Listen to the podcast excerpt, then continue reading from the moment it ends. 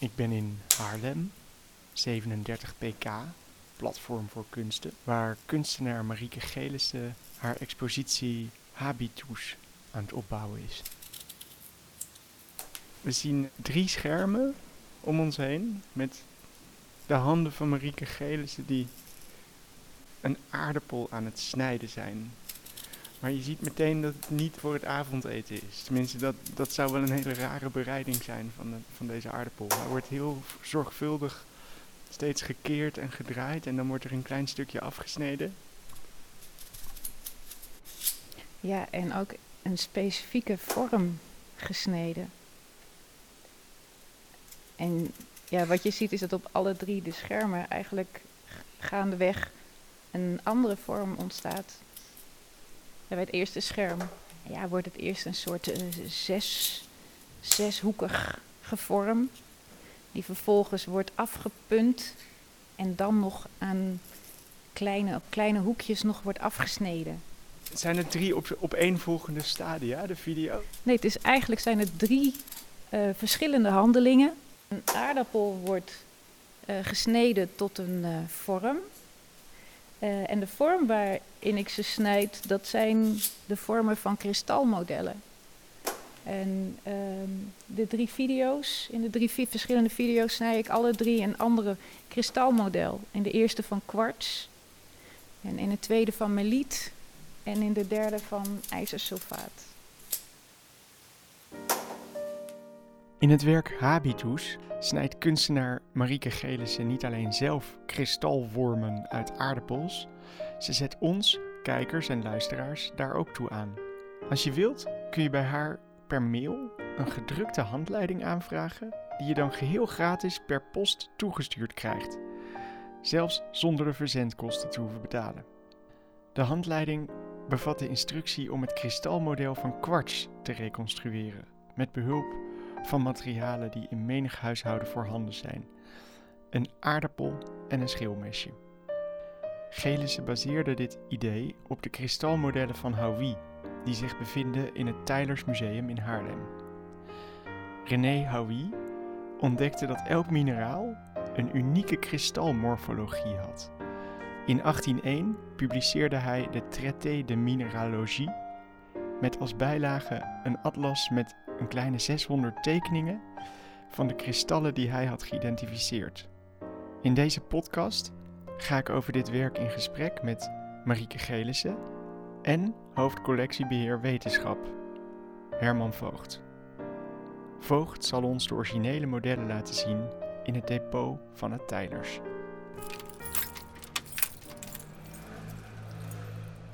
Zo, we gaan vanuit 37 pk naar het Tylers Museum.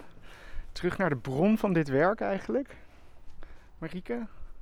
Ja, want in Toch? Ja, want dat is eigenlijk de inspiratie ook voor dit uh, werk geweest. De collectie van Tylers Museum speciaal. Dus die kristalmodellen van Houy daar. Precies. En Herman gaat ons die Holy Grail even laten zien. Ja, we mogen straks even de schatkamer van de Tylers zien. Spannend. Hoi, ik ben hier met twee mensen, twee gasten voor het maken van een podcast in het depot ook. Ja, dank u.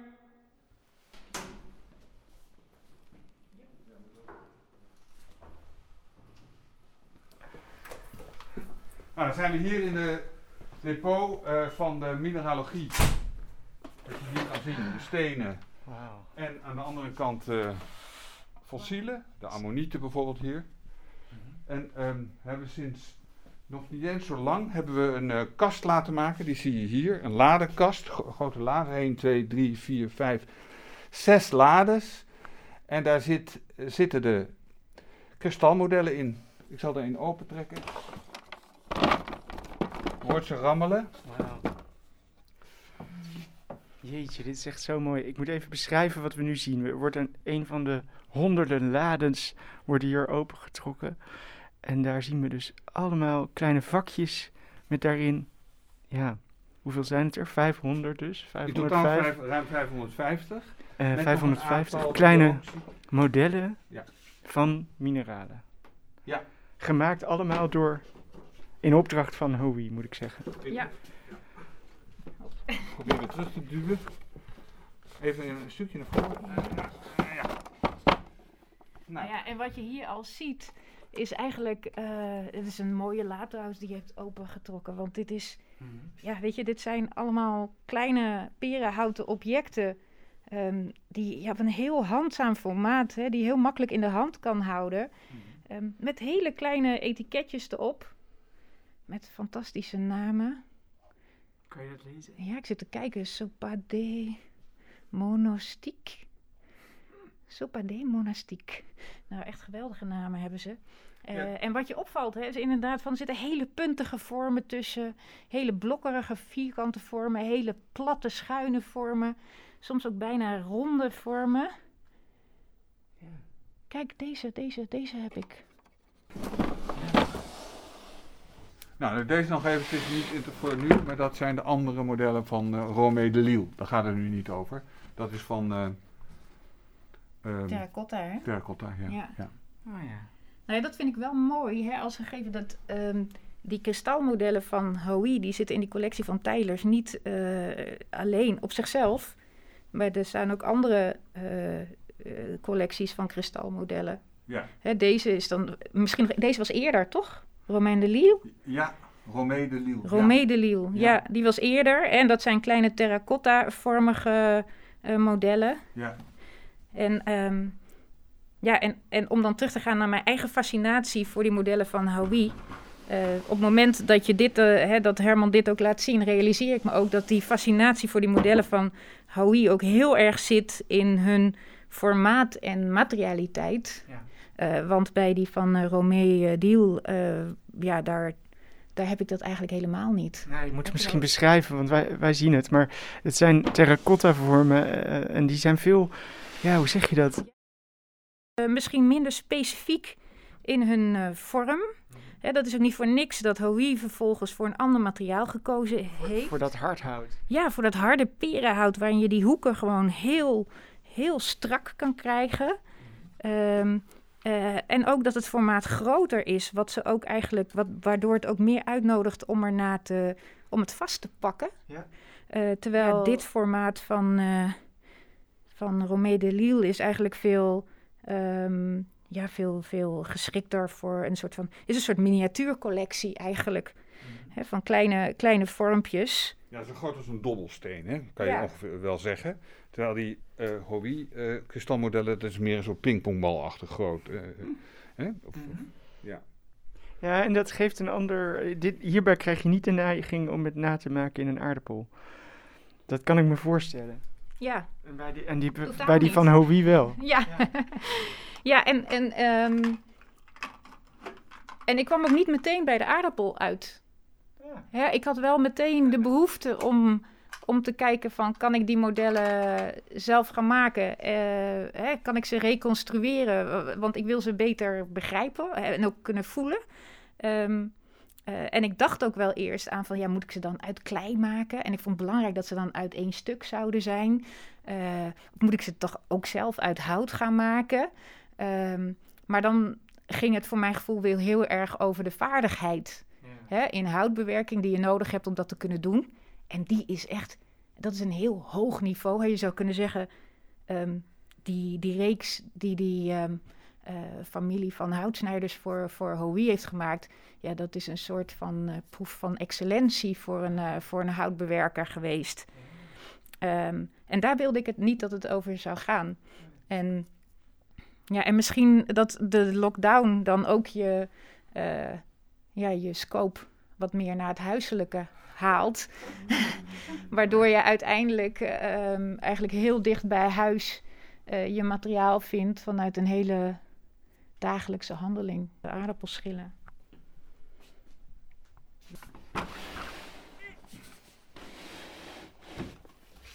Zo. Leuk hoor. Ontzettend de leuk. De laag gaat weer dicht. Ja. Nou. Gaan we dan nu even zitten? Ja.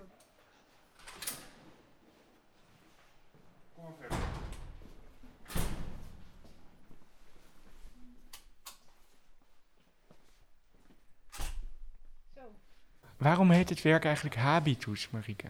Ja, habitus, dat woord kwam ik eh, eigenlijk op een gegeven moment eh, tegen. Eh, en ik dacht eerst van, habitus, habitat, wa waar staat het voor? Maar het wordt in de mineralogie gebruikt om de verschijningsvorm van, van de kristallen eigenlijk te beschrijven. Um, en en ja, daar gaat het project eigenlijk om, ook over, over die verschijningsvorm. Ehm, dus ik vond dat eigenlijk wel een uh, mooi woord om uh, te gebruiken. De verschijningsvorm. Ja, dus niet de vorm, want een mineraal heeft niet zozeer een uh, vaste vorm, hè, maar heeft een soort van verschijningsvorm waarin het zich ontwikkelt. Mm En hoe, het, hoe een mineraal groeit is ook afhankelijk van omstandigheden. De verschijningsvorm van een kristal is eigenlijk uh, afhankelijk van de snelheid waarmee de vlakken groeien. Juist. En wat noem je dan dus de habitus? ja, de, de verschijningsvorm. Dus in al die verschillende stadia, groeistadia, is er een kernvorm. Ik weet niet of je dat zo mag noemen hoor, nee, maar... vast niet. Maar, hè, maar is er een soort van, uh, ja, kun je een, een, een vorm definiëren die daarin eigenlijk richtinggevend is. Ja, ja precies. En, en... Eenheidsvorm noemen ze dat geloof ik. Ja. ja. Oké. En, en dat, dat is precies waar die collectie uit bestaat. Ja. ja. En, en dat heeft dus ook geen maat. Nee. Hè, in, in zichzelf heeft het geen maat. Het heeft alleen, uh, het is gedefinieerd door met name eigenlijk de hoeken en de vlakken.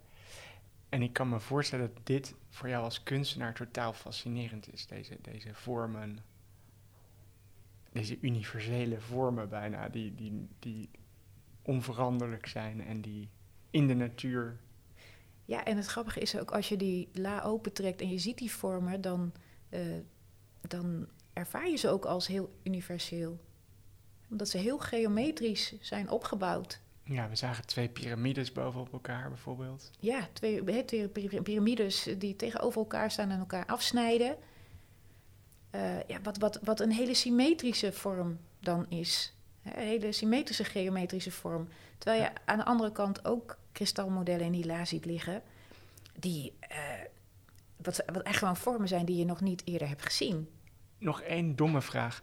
Hoe groot zijn die dingen nou in werkelijkheid? Die kristallen? Ja. Nou, die kunnen dus... Levensgroot zijn, echt bijna. En ook minuscuul. Oh, oké, dus dat kan... Ik heb wel eens een film gezien en dan, dan is het... Uh, ja, meterslange uh, puntige kristalvormen. Ja. ja. In een grot in Zuid-Amerika, ik weet het niet. Maar dat, tot, eh, dat, was echt, dat geloofde je bijna niet zo groot. Ja. Maar ook minuscuul kan het dus zijn. Ja. En ook kleiner dan het blote oog kan waarnemen. Ja, Oké. want, want het is feitelijk... En steeds blijft de vorm gelijk. Ja, want het is, het is eigenlijk, uh, als ik het goed begrijp, is het met name een scheikundige kwestie. Hè, waarin de samenstelling van een stof eigenlijk zijn meest optimale stapeling vindt. Uh, Herman, um, uh, als, ja, als Marieke zegt de, de modellen van Houi, wie, wie was dat, Houi? Ja, even eh, kort in de geschiedenis dan van Houi. Die uh, was een, een, een, geleerde uit Frankrijk, geboren in 1743 en 1822 overleden. Mm -hmm. begraven op Père Lachaise, overigens, kunnen we nog naartoe. Um, en hij heeft uh, ja, hij is, hij is in, Frankrijk heel beroemd. Hij is zo beroemd dat hij op de Eiffeltoren staat. Als een van de 72 geleerden die daarop staan. Met onder andere Mons en Daubenton. Dus al die metrostations die je, waar je, die je tegenkomt in Parijs. Die, dat zijn vaak uh, geleerden waar ze, uh, die, die dus ook op de Eiffeltoren staan. Daar staat Houy op. En heeft eigenlijk de mineralogie ontwikkeld. Uh, door zijn kristalmodellen te laten maken van perenhout. En, ehm, en, en, tijdens eerste directeur, dat was Martinus van Marem, leefde ongeveer in dezelfde periode. Um, ook, ook dus in de verlichting, was helemaal de man die alles wilde ontdekken, elektriciteit ontdekken, maar ook um, uh, hoe de aarde in elkaar zat. En dus focuste hij zich op de, de, de, de, mineralogie, de geologie eigenlijk en de, de, de fossielen. En ging daarvoor, maakte daarvoor reizen.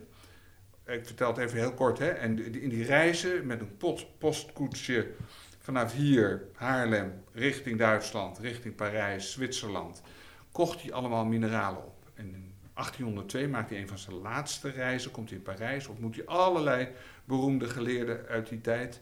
En bestelt hij dan bij Howie zelf al zijn kristalmodellen.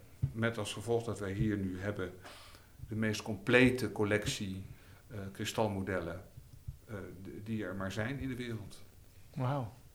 Ja. Want eh, eh, dat, dat is eigenlijk het begin van uh, het in kaart brengen, het, het, het uh, begrijpelijk maken ja. van bepaalde vormen die in de natuur voorkomen, als ik het goed begrijp.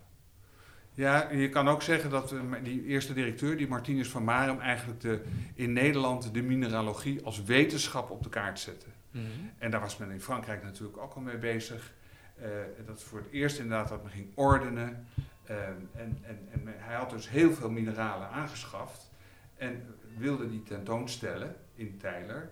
Uh, maar, maar moest dus een manier vinden hoe. Dat lukraak neerleggen à een, een rariteitenkabinet, dat deed men niet meer. Er moest een systeem achter zitten. En dat systeem, dat was van Howie. In de tijd van het jonge Tyler Museum werd er ook heel veel geëxperimenteerd met het zelf vastpakken van die vormen en, en, en natuurexperimenten doen. Hè? Of, of maak ik nu een hele vergezochte... Nee, nou ja, tijdelijk, iedereen denkt dat het begonnen is als museum, maar dat is begonnen als een soort, soort onderzoekscentrum, een soort laboratorium. Er waren ook allerlei laboratoria omheen. Mm -hmm. Steeds een laboratorium waar later ook Lorenz, de, de, de natuur, uh, de Nobelprijswinnaar voor natuurkunde, heeft gewerkt. Dus dat is al, eigenlijk altijd het opzet geweest. Ja. En uh, die instrumenten die je dan ziet, in diezelfde zaal waar de kristalmodellen van Howie ook liggen, die, die werden gewoon uit de kasten gepakt. Dat was ook een soort depotopstelling. Hè. Je, ziet, je kan het helemaal niet goed zien, maar de kasten gingen open en dan werd er, uh, werd, een kijker gepakt en dan ging hij naar boven, naar het dak van de ovale zaal. Maar als je hier uit het raam kijkt, dan zie je ook die sterrenwacht. En dan gingen ze met de sterrenkijker daar kijken. Dus het was inderdaad allemaal uh, uh, proef, proeven en uh, research eigenlijk. Mm -hmm. ja, en dat is eigenlijk wel mooi, want dat uh, proefondervindelijke, ehm, dat, dat is iets wat ik in mijn eigen werkpraktijk als, als kunstenaar ook heel erg opzoek. Juist door dingen te doen en dingen te onderzoeken. Ehm, hè, de, en, en, je tot je omgeving te verhouden. Um, ja, en dat heb ik in dit project eigenlijk, uh, is, is, ook, is ook op die manier tot stand gekomen. Door een behoefte om een vorm te reproduceren en gewoon maar te beginnen. Um, en aldoende eigenlijk uh, die handeling je meer eigen te maken. Zodat je op een gegeven moment daadwerkelijk een uh, kristalmodel of een kwarts uit een aardappel kan snijden. Um, en tegen die tijd dat dat lukt, begrijp je inmiddels ook hoe die vorm is opgebouwd. Um, en ja, dat geeft je een soort van idee dat je de vorm ook begrijpt. Mm -hmm. ja, voor Tyler is het natuurlijk leuk dat wij als Museum van Kunst en Wetenschap, Museum van de Verwondering, dat, dat dus een, een kunstenaar als Marieke uh, de wetenschappelijke collectie aangrijpt om daar weer mee, dat door te ontwikkelen tot, tot een nieuwe uh, kunstvorm. Dat is, uh, dat is precies waar, waar, waar dus kunst en wetenschap hier in elkaar grijpt. Dat doe jij eigenlijk. En het is een mooie tegenstelling met, met het materiaal wat Hui koos. Uh, en, en ook natuurlijk met het oorspronkelijke mineraal of uh, in de natuur, dat, dat juist heel hard is. Ja, eh, wat, wat, wat juist uh, hè, een enorm hoeveelheid tijd behelst en, en, en een soort bijna een eeuwigheid voor je gevoel. die, die tijdloosheid van, van gesteentes, en, uh, ja, en, en wat ik doe is juist heel vluchtig. Mm -hmm. Een mooie ontmoeting van totale vluchtigheid en, en eeuwenlange ontwikkeling. Ja, een mooi contrast eigenlijk. In een museum, in het, in het oudste museum van Nederland, waar sowieso alle tijden in stenen en andere materialen zijn terug te vinden. Nou, ander, en ander um, eigenlijk contrast wel tussen de uh, kristalmodellen van Howie en hoe ik ermee bezig ben, is natuurlijk dat mijn, mijn kristalmodellen die ik snijd uit een aardappel zijn per definitie natuurlijk mislukt. want een, uh, um, een goed kristalmodel heeft exact de juiste hoeken. En mijn modellen vanuit de, de, aardappel gesneden ehm, zijn een poging om die vorm beter te begrijpen. maar zullen nooit dat, die perfectie benaderen. Nee. Nee, juist niet. Omdat ze, ze zullen zelfs een soort handschrift hebben, ook al zal je het niet willen. Ja, en bij de eerste video uh, die ik ook opnam, had ik uh, toen had ik een, een, een, echt zo'n houten aardappelschilmesje, echt zo'n goed aardappelschilmesje. En ik had ook zelfs de indruk dat dat zelfs automatisch ook een beetje gebogen snijdt dat het zo geslepen is, zodat je een aardappel goed kan schillen. Dus dat het ook een beetje ah. gebogen snijdt. Ja, en dat moet je niet hebben natuurlijk. En het is wel eigenlijk wil je voor dit, uh, dit werk gewoon zo recht mogelijke hè, lijnen kunnen, hm. kunnen snijden. Dus ook zo, zo scherp mogelijke hoeken. Uh, ja, en per definitie uh, kan dat niet. En tegelijkertijd is, is die poging juist wat het zo waardevol maakt ja, juist ook in het volharden, in het zoeken, zit jouw kunstenaarschap. Je bent, ik, toen ik binnenkwam vanochtend en ik zag die video's, dacht ik: hé, hey, ik heb eerder werk van jou gezien waarin je met hout bezig bent of met klei. Of heel vaak zijn het je handen die aan het werk zijn, die de kijker te zien krijgt. Alleen je handen. Ja, en mijn handen eigenlijk als, als denk ik, als, uh, als middel om de wereld vast te pakken en om die wereld daarmee ook proberen te begrijpen. Dankjewel Herman Voogd, hoofdcollectiebeheer van Tylers Museum. Voor Graag gedaan. bedankt voor de gastvrijheid in jouw prachtige museum. En dankjewel Marieke voor het mooie werk. Dank je. En um, ja, ik hoop dat mensen zelf komen kijken of met het werk aan de slag gaan. Ja, de handleiding uh, die kunnen mensen opvragen bij 37 pk of bij mij. En dan uh, krijgen, uh, kunnen we die gewoon toesturen. Een ontzettend democratisch kunstwerk is dit. Ja, absoluut.